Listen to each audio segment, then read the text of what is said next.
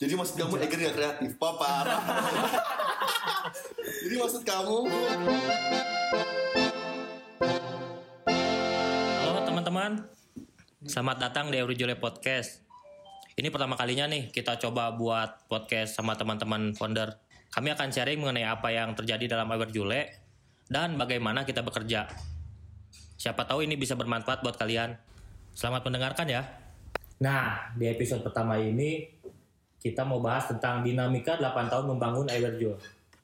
Sebelumnya perkenalan dulu dong akang-akang.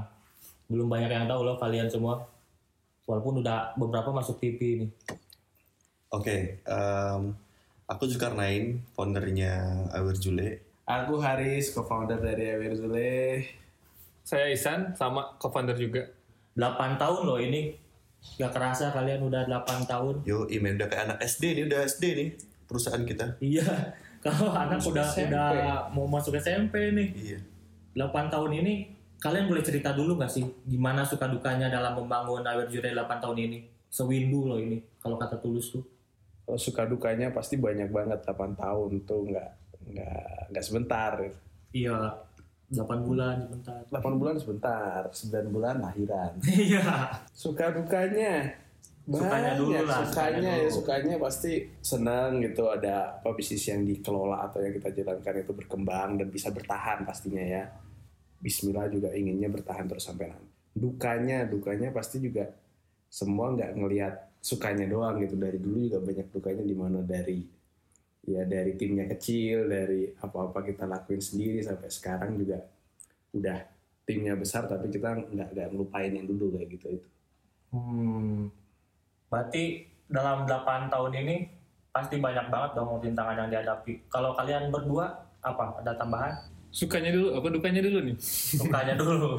Sukanya dulu. Tapi kalau sedih-sedihan kayak tayangan ini. Sukanya apa ya? Hmm, banyak sih sebenarnya. Salah satunya eh, ya saya nikah sama karyawan Ever juga juga. Ah serius? Mantap. Iya, iya, iya.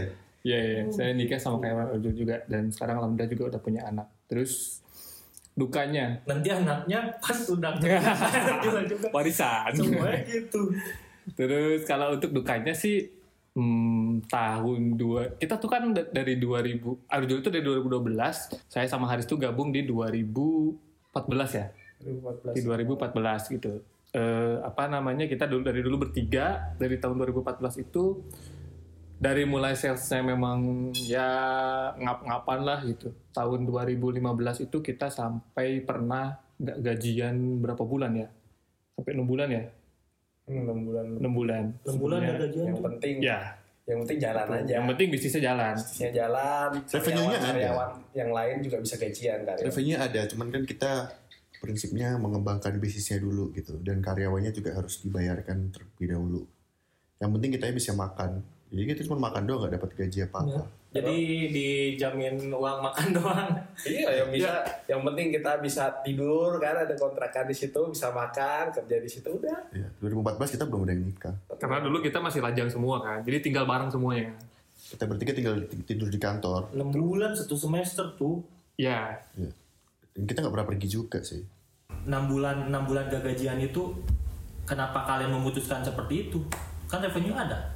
Eh, saat itu 2015 itu kami bertiga memutuskan untuk eh, pengen si bisnisnya itu lari lebih cepat. Gitu pengen lari lebih cepat. Jadinya kita memutuskan untuk revenue yang dihasilkan selama enam bulan itu diputar terus. Dijadikan modal lagi. Jadi apa yang didapat dijadikan modal untuk next month. Apa yang didapat dijadikan modal lagi. Terus seperti itu selama enam bulan itu. Jadi bukan karena bisnisnya nggak tumbuh sebenarnya. Setelah enam bulan ya alhamdulillah Alhamdulillah gak gajian lagi gitu. alhamdulillah lancar gitu Nah berarti memutuskan 6 bulan aja atau emang bulan ketujuh baru bisa? Ya, kita ngerasa bulan ketujuh kayaknya udah saatnya kita menggaji diri lah. Gitu istilahnya. Nah Sebenarnya sebenarnya nggak cuma sekali. Kayaknya dari 8 tahun kita berjalan kayaknya ada lebih dari sering juga Tiga kali kayaknya. kali ha. Lebih dari kayak tiga kali. Hal itu terjadi ya. Ah. Enam bulan itu dihitung satu ya. 6 bulan Momen ya, yang lainnya momen. banyak. Eh, enggak sih kadang dua bulan kadang tiga bulan segala macam karena kan kita founder nih gaji kita itu kan paling gede di antara yang lain Eh, jadi biaya gaji itu kalau diputar untuk pengembangan lumayan Hmm. gitu loh jadi ya udah kita ngalah aja yang penting kan kita makan ya saat itu kan kita masih belum ada yang tanggung jawab ya. menikah punya anak segala macamnya gitu. Kasarnya kita makan sehari sekali juga bodo amat. Ya. kalau sekarang kan beda ya. Istri di mana-mana. Oh iya. 6 bulan ya? Gila baru tahu juga nih 6 bulan kalian gak gaji kan. Dan terbuka juga ternyata di sini. Bisnis bertiga tuh pasti pusing banget sih itu. Dan ada tiga kepala tuh kalian gimana? Suka berantem apa aja tentang bisnis ini. Apa yang selalu kalian perdebatkan? Apa ya kalau di Air Juliet mungkin karena dari awal aku sendirian jadi saat founder-founder lainnya masuk kayak pengambilan keputusan ada satu, kepala gitu. Hmm. walaupun kita berbeda pandangan berbeda pendapat segala macamnya kita berargumen em, pada ujungnya pengambil keputusannya dari aku. Cuman em, ya kita sepakat gini yang kita sepakati agar kita nggak berantem itu kalaupun kita saya terutama ngambil keputusan terus salah ya udah itu ke- kesalahan kita bersama sebenarnya Hmm. Kenapa? Karena em, keputusan yang diambil itu selalu yang dengan sudut pandang punya alasan yang jelas lah. Nggak karena sebuah ke apa ya nyebutnya? Ya seenaknya sendiri atau keegoisnya sendiri lah gitu. Kayak gitu sih. Dan mostly kita nggak pernah sering berantem. Aku alhamdulillah ketemu founder yang mau kerja keras dan sabar-sabar. Nah, itu yang mau aku tanyain kenapa milih mereka berdua eh kalau ditanya itu kalau Haris nih temanku SMP, aku udah berteman sama Haris hampir 70 tahun. Oh enggak sih. Umurnya aja belum 30 tahun gitu. Eh, aku udah temenan dari sama Haris itu dari SMP kelas 1. Kita udah kenal belasan tahun lah dan aku kenal Haris itu dia orangnya ngulik. Dan menurutku itu sebuah aku nggak tahu nyebutnya apa ya sikap atau attitude atau prinsip atau kemampuan yang bagus lah orang ngulik. Kalau orang ngulik itu nggak bisa dia pasti mencari cara untuk bisa. Ya. Gitu loh. Tapi kalau misalkan cuman sekedar eh, mau kerja keras tapi nggak mau ngulik akan susah sih gitu. Itu jadi aku tawarin Haris. Kalau waktu itu adalah waktu itu aku tawarin Haris ayo Haris eh, bantu aku. Jadi Haris itu 2010 dari aku di Bandung dia ke Jepang. Jepang gitu habis itu pulang dari Jepang aku bilang kamu pulang ke Jepang harus bantuin aku ke Bandung berarti approachingnya waktu sebelum ke Jepang saat Haris udah di Jepang Berarti kalian 8 tahun ini banyak banget kalau hal rintang ya. Pasti pernah stuck, pasti banget di rumah. Nah biasanya kalian stuck karena apa aja tuh? stuck apa nih maksudnya stuck bisnisnya Stuck bisnis. Oh, ya pasti kalau apa ya orang itu kan pasti pengen sesuatu hal yang baru. Kalau kita udah nggak bisa ngedevelop sesuatu yang baru atau apa yang kita lakukan monoton itu pasti akan terjadi stuck. Ya lawannya kita stuck pasti karena kita nggak ngelakuin hal yang baru. Gitu-gitu aja gitu. Kalian biasanya kalau biar ngelewatin si rintangan-rintangan itu, kalian melakukan apa dalam bisnisnya? Misalkan penjualan stagnan, naik enggak, turun enggak gitu kan. Itu kan greget banget tuh. Mau dinaikin nggak tahu ngapain, terus ke depannya kan takut turun kalau udah stagnan gitu. Kalian biasanya ngapain? tahun 2017 itu sebenarnya kita sempet tuh stuck stagnan. Mulai dari abis lebaran abis lebaran tahun 2017 itu kita stagnan tuh. Stuck salesnya nggak nggak naik nggak turun gitu. Terus akhirnya kita mencoba bikin gebrakan di bulan Novembernya. Kita ngeluarin produk Ezio produk multifungsi yang memang di Indonesia saat itu belum ada. Tuh kita bikin eh, kita kemas si produk itu memang dengan cantik dengan baik gitu ya Itu dengan, itu yang dengan serius. bikin modelnya dikenal sama TTTT Alfamart. Nah iya bener gitu. Sampai modelnya masuk Alfamart ditanyain sama tete-tetenya eh mas yang ada di video ya gitu. itu serius loh, itu real case bisa sampai segitunya ya? ya itu jadi memang viral banget itu. Gitu. di situ mulai jadi titik balik tuh. Berarti yang pertama multifungsi pertama Ezio, Ezio pertama. Ezio itu yang bikin kalian modelnya booming ya Alfa karyawan kita sendiri bro.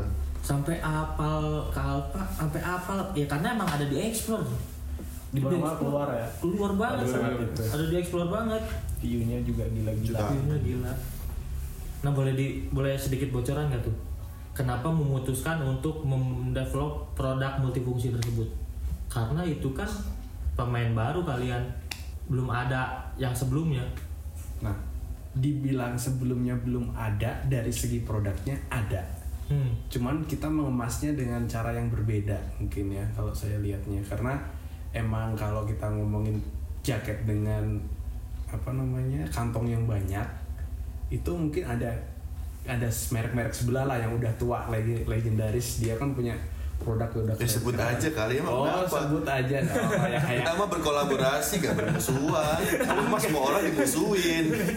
Eger, sebut aja Eger. Udah main aman. Eger kan main aman pak Kenapa emang? Emang kita Nah, jatuhin itu- Eger kan? Eger. Ya ada race segala macamnya. Mereka kan produk-produk dengan jaket gunung ya. Dia mereka spesialisasinya dengan kantong yang banyak mungkin dengan ventilasi segala macamnya. Cuman nggak dikemas secara apa ya? Jadi maksud kamu Eger gak kreatif? Pak parah. Jadi maksud kamu Bukan nggak kreatif. berarti eh, Eger mengemasnya biasa aja. Pasti pasti kedengaran sama orang developer Eger nih. Iya beneran nih. Momen ya, mungkin. namanya Karena Haris Adi Prayuda. Jadi maksud kamu Eger mengemasnya biasa aja. Bukan Loh, biasa betul aja dong. juga. Loh, iya. Mungkin. Kang Haris merasa lebih wah gitu. Wah dari mana model Nggak, wah. model karyawan sendiri Iya, nggak bukan, pakai bukan studio kita, cuman kita momennya itu foto di aja. Juanda sih itu tuh Gratisan. Gratisan semua gratisan. nggak ngeluarin biaya Yang ngetik juga gratisan. yang ketik hari sendiri Saya sendiri yang nah, bikin. terus maksud kamu yang lainnya nggak mengemas dengan baik artinya mereka punya jaket gunung nih jaket gunung bagus kualitas segala macamnya cuman nggak diceritakan kantong ini bisa digunakan untuk apa? Ada fungsinya apa? Segala macamnya implementasinya untuk kehidupan kita sehari-hari yang relate itu untuk apa? Nah di sana kita mencoba untuk memaparkan itu dan jaketnya itu pun sendiri di Indonesia memang belum ada yang mengklaim jaket multifungsi pada saat itu. Cuman berkaca saya riset dari Kickstarter segala macamnya udah ada satu jaket yang emang udah booming di sana. Oh bucks namanya Bowbucks dia itu dia ngeluarin kickstart produk campaign bisa tembus 9 juta dolar Satu saat- produk? satu produk satu jaket itu 9 juta dolar Gila. makanya di saat itu mencoba develop riset dulu kayak misalnya di Indonesia itu kebanyakan orangnya ngapain terus kan terus pada saat itu habitnya udah Kalau boleh dibuka di sini dibongkar sekarang, apa kesalahan kalian di Ewe Jule? Yang paling banyak fatal. banyak aku kan pengambil keputusan banyak aku yang paling banyak paling kayaknya fatal deh. Aku pernah kayaknya bikin Awer Jule itu rugi itu berbagai macam kalau bagi saya pribadi ya, gitu. Rugi dari laporan laba rugi artinya em, revenue-nya lebih kecil dibandingkan expense-nya. Atau rugi dari sisi waktu juga bisa. Artinya kita misalkan selama enam bulan tapi kita nggak berkembang itu bisa disebut rugi. Ah. bisa juga dari uang ini. Kita spend uang satu miliar tapi itu nggak ngasihin apa-apa gitu loh istilahnya. Itu juga kita kita anggap sebagai rugi. Walaupun di laba-laba ruginya kita untung. Tapi kita istilahnya spend itu kayak impactnya nggak impactful bahkan kayak hampir ya biasa aja lah gitu istilahnya. Itu menurutku rugi gitu istilahnya. Itu pas ngapain? wah banyak. Waktu itu kita pokoknya eh, ngedevelop berbagai banyak macam hal tapi kayak eh, karena aku itu pengen kayak ngelakuin banyak hal itu secara bersamaan karena aku itu orangnya apa ya aku nyebutnya apa ya banyak ide bermunculan gitu ya terus ngelakuin semua itu kayak secara bersamaan tapi dengan tim yang sama atau tim yang nggak proper mungkin ya gitu akhirnya nggak jalan dan akhirnya berantakan akhirnya ya kita shutdown semua gitu Greget ya, Gitu. pengen langsung dibikin. Iya kayak kita bikin dulu kita pengen bikin ya ini mungkin kalau teman-teman yang ngedenger mau buka jasa bisnis silahkan aja gitu ya siapa tahu nanti kita bisa kolaborasi. Aku pengen bikin unit bisnis di bawah Air Jule itu jasa perbaikan baju gitu loh, di mana memanfaatkan eh, orang-orang penjahit Hmm? itu sebagai tenaga kita gitu. Jadi kita sebagai subnya gitu loh. Masuk ke kita, kita tinggal deliver ke mereka. Mereka yang penjahit-penjahit yang ada di pinggir-pinggir jalan itu mereka yang benerin nanti kita kirim lagi konsumennya kalau penjahit apa si jaketnya udah bener segala macam. Oh jadi jasa buat jasa benerin pakaian. Iya, itu kan kadang-kadang kita lepas kancing lah atau kegedean lah atau apalah gitu kan. Karena kalian sendiri kan custom clothing banyak ya. Ya, ya kita bertiga aja badannya ada yang standar. Ya. Misal tinggi, kurusnya ini bukan kurus lagi kayak tulang-tulang doang. kulit gitu. tulang Es. berjalan Kalau dia pakai es cukup, tapi Pakai yang kegedean. ya maka masih maksudnya kalau pakai es dia jadi ngatung. Gitu. Kalau pakai M gedean gitu. Jadi SM tuh. Nanggung-nanggung. Haris juga sama tuh. Haris pakai L cukup tapi tenggelam badannya karena dia pendek. Perutnya gede. Perutnya gede ya kan L cukup ya kan. Tapi kan karena celananya panjang gitu ya. Dia udah gak pakai rok. sekarang bukan L ya Hmm, XL. Naik bos. Berarti kalian memfokuskan di custom clothing untuk saat ini. Tantangannya apa untuk bisnis custom clothing? Ya tantangannya kita harus selalu ngurusin produksi terus-terusan gitu. Kan kalau simpelnya ya brand stok kan kalau mereka bikin desain stok jual. Mau habis bikin lagi stoknya jual lagi. Kalau kita kan enggak. Kita foto kita jual setiap hari yang laku kita buat terus-terusan jadi kita setiap hari dapurnya ngebul terus gitu ngeproduksi terus dapur kita. Modal foto Pak. dalam modal foto. Karena emang waktu itu kita nggak punya modal sama sekali. Aku tuh, habis bangkrut itu kan gara-gara kritik itu. Mm-mm. tapi aku itu bukan orang yang terlalu memikirkan sesuatu itu terlalu dalam. Terutama sesuatu yang negatif. Jadi apa pun yang aku lakukan itu impactnya jelek misalkan entah itu salesnya kurang atau kita lagi rugi atau apa aku nggak pernah mikirin itu terlalu dalam ya udah aku cuma ngelihat apa besok ngapain lagi segala macamnya iya Kenapa apa yang boleh terjadi terjadilah kasarnya gitu loh. Ya, Jadi aku tuh kalau ditanya 8 tahun suka duka di Awer Jule mungkin aku suka semua kayaknya. dukanya Mungkin, lupa. mungkin lupa dan karena emang nggak terlalu antara lupa atau nggak dipikirin Iya, lewat nggak dipikirin gitu loh. berarti banyak banget tantangannya untuk membangun bisnis custom clothing ini ya Di samping Kan mana Enca? Oh, Oh, mana nggak punya kesalahan? ya banyak. tapi ada juga lupa. loh. Karena lupa Ada juga kesalahan lupa. Maksudnya lupa itu aku lupa salah nyaris kalau salah aku aku ingat. kalau Kang Isan apa Kang Isan kesalahan terfatal selama di Ever Jule Banyak di bisnis tapi kalau Kang Aris nggak bisa disalahkan kesalahan ada, ada. Innocent. Cuman, cuman yang terfatal aku masih masih berpikir dulu yang terfatal. Haris itu nggak ada yang fatal. Nggak ada Sedikit tapi terus. sedikit tapi berulang Iya terus lakuin kesalahan-kesalahan kecil tapi yang menyebalkan. Kayak tadi aku bilang ya, aku kalau orang ngelakuin kesalahan fatal kayak yang pernah Isan lakukan di produksi waktu itu gitu ya, eh, ya aku maafin gitu. Karena kayaknya itu tanpa ya kesalahan manusiawi lah. Tapi kalau aku lebih sering marah ke Haris dibandingkan ke Isan. Karena Haris melakukan hal-hal yang sama, lupa, kayak gitu-gitulah. Iya. Lupa, Sampai segala Nigeria lah macamnya pokoknya. Jeleknya buruk sekali.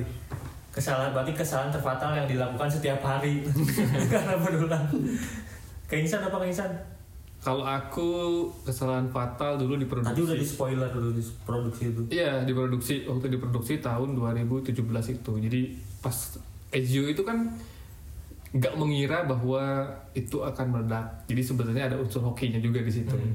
Nah, dari kita di tim produksi itu emang persiapannya kurang gitu. Masuk orderan yang memang meledak. Di situ juga saya sebagai orang produksi dan sebagai owner di satu sisi eh, apa namanya punya perasaan, oh ini momen bagus nih gitu.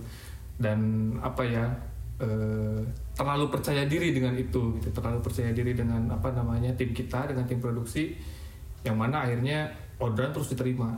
Nah ternyata eh, ya Gak bisa nggak bisa ya, itu gitu si produksinya.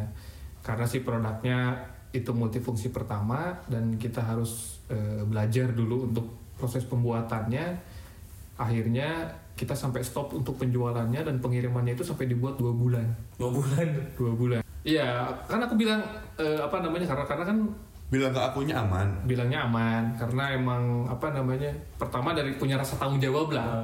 Punya rasa tanggung jawab di produksi dan merasa bahwa ini momen yang apa namanya bagus untuk si naikin si eh, salesnya gitu terus ternyata nggak kekontrol akhirnya udah give up give up terus aku datang ke kantor terus nemuin Pak Jule itu terus aku bilang eh, apa namanya ya minta maaf lah intinya Ada bahwa kemungkinan produk molor Iya. 700 pieces. akan ada kemungkinan kurang banyak banget gitu molor di situ akhirnya si penjualannya langsung di stop terus kita bisa semua nih. fokus produksi Marah nggak aku? San?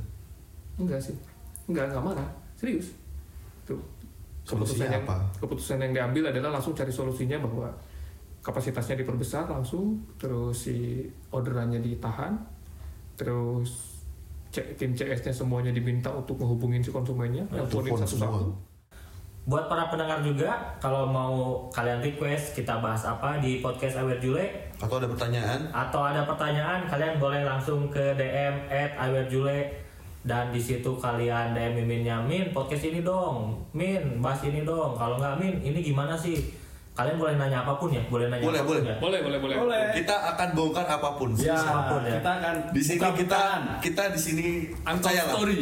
Percayalah. Kita akan buka yang tidak mungkin orang lain mendengar ah seriusan hal itu di share ya Nah, itu kita, Kita ini share. udah disclaimer dari awal keberanian para founder ini patut diapresiasi asal jangan nanya gimana cara melunasi hutang ya. Sekian, terima kasih telah mendengarkan Awe. Jule Podcast. Saya Awe Barogoy dan teman-teman founder lainnya.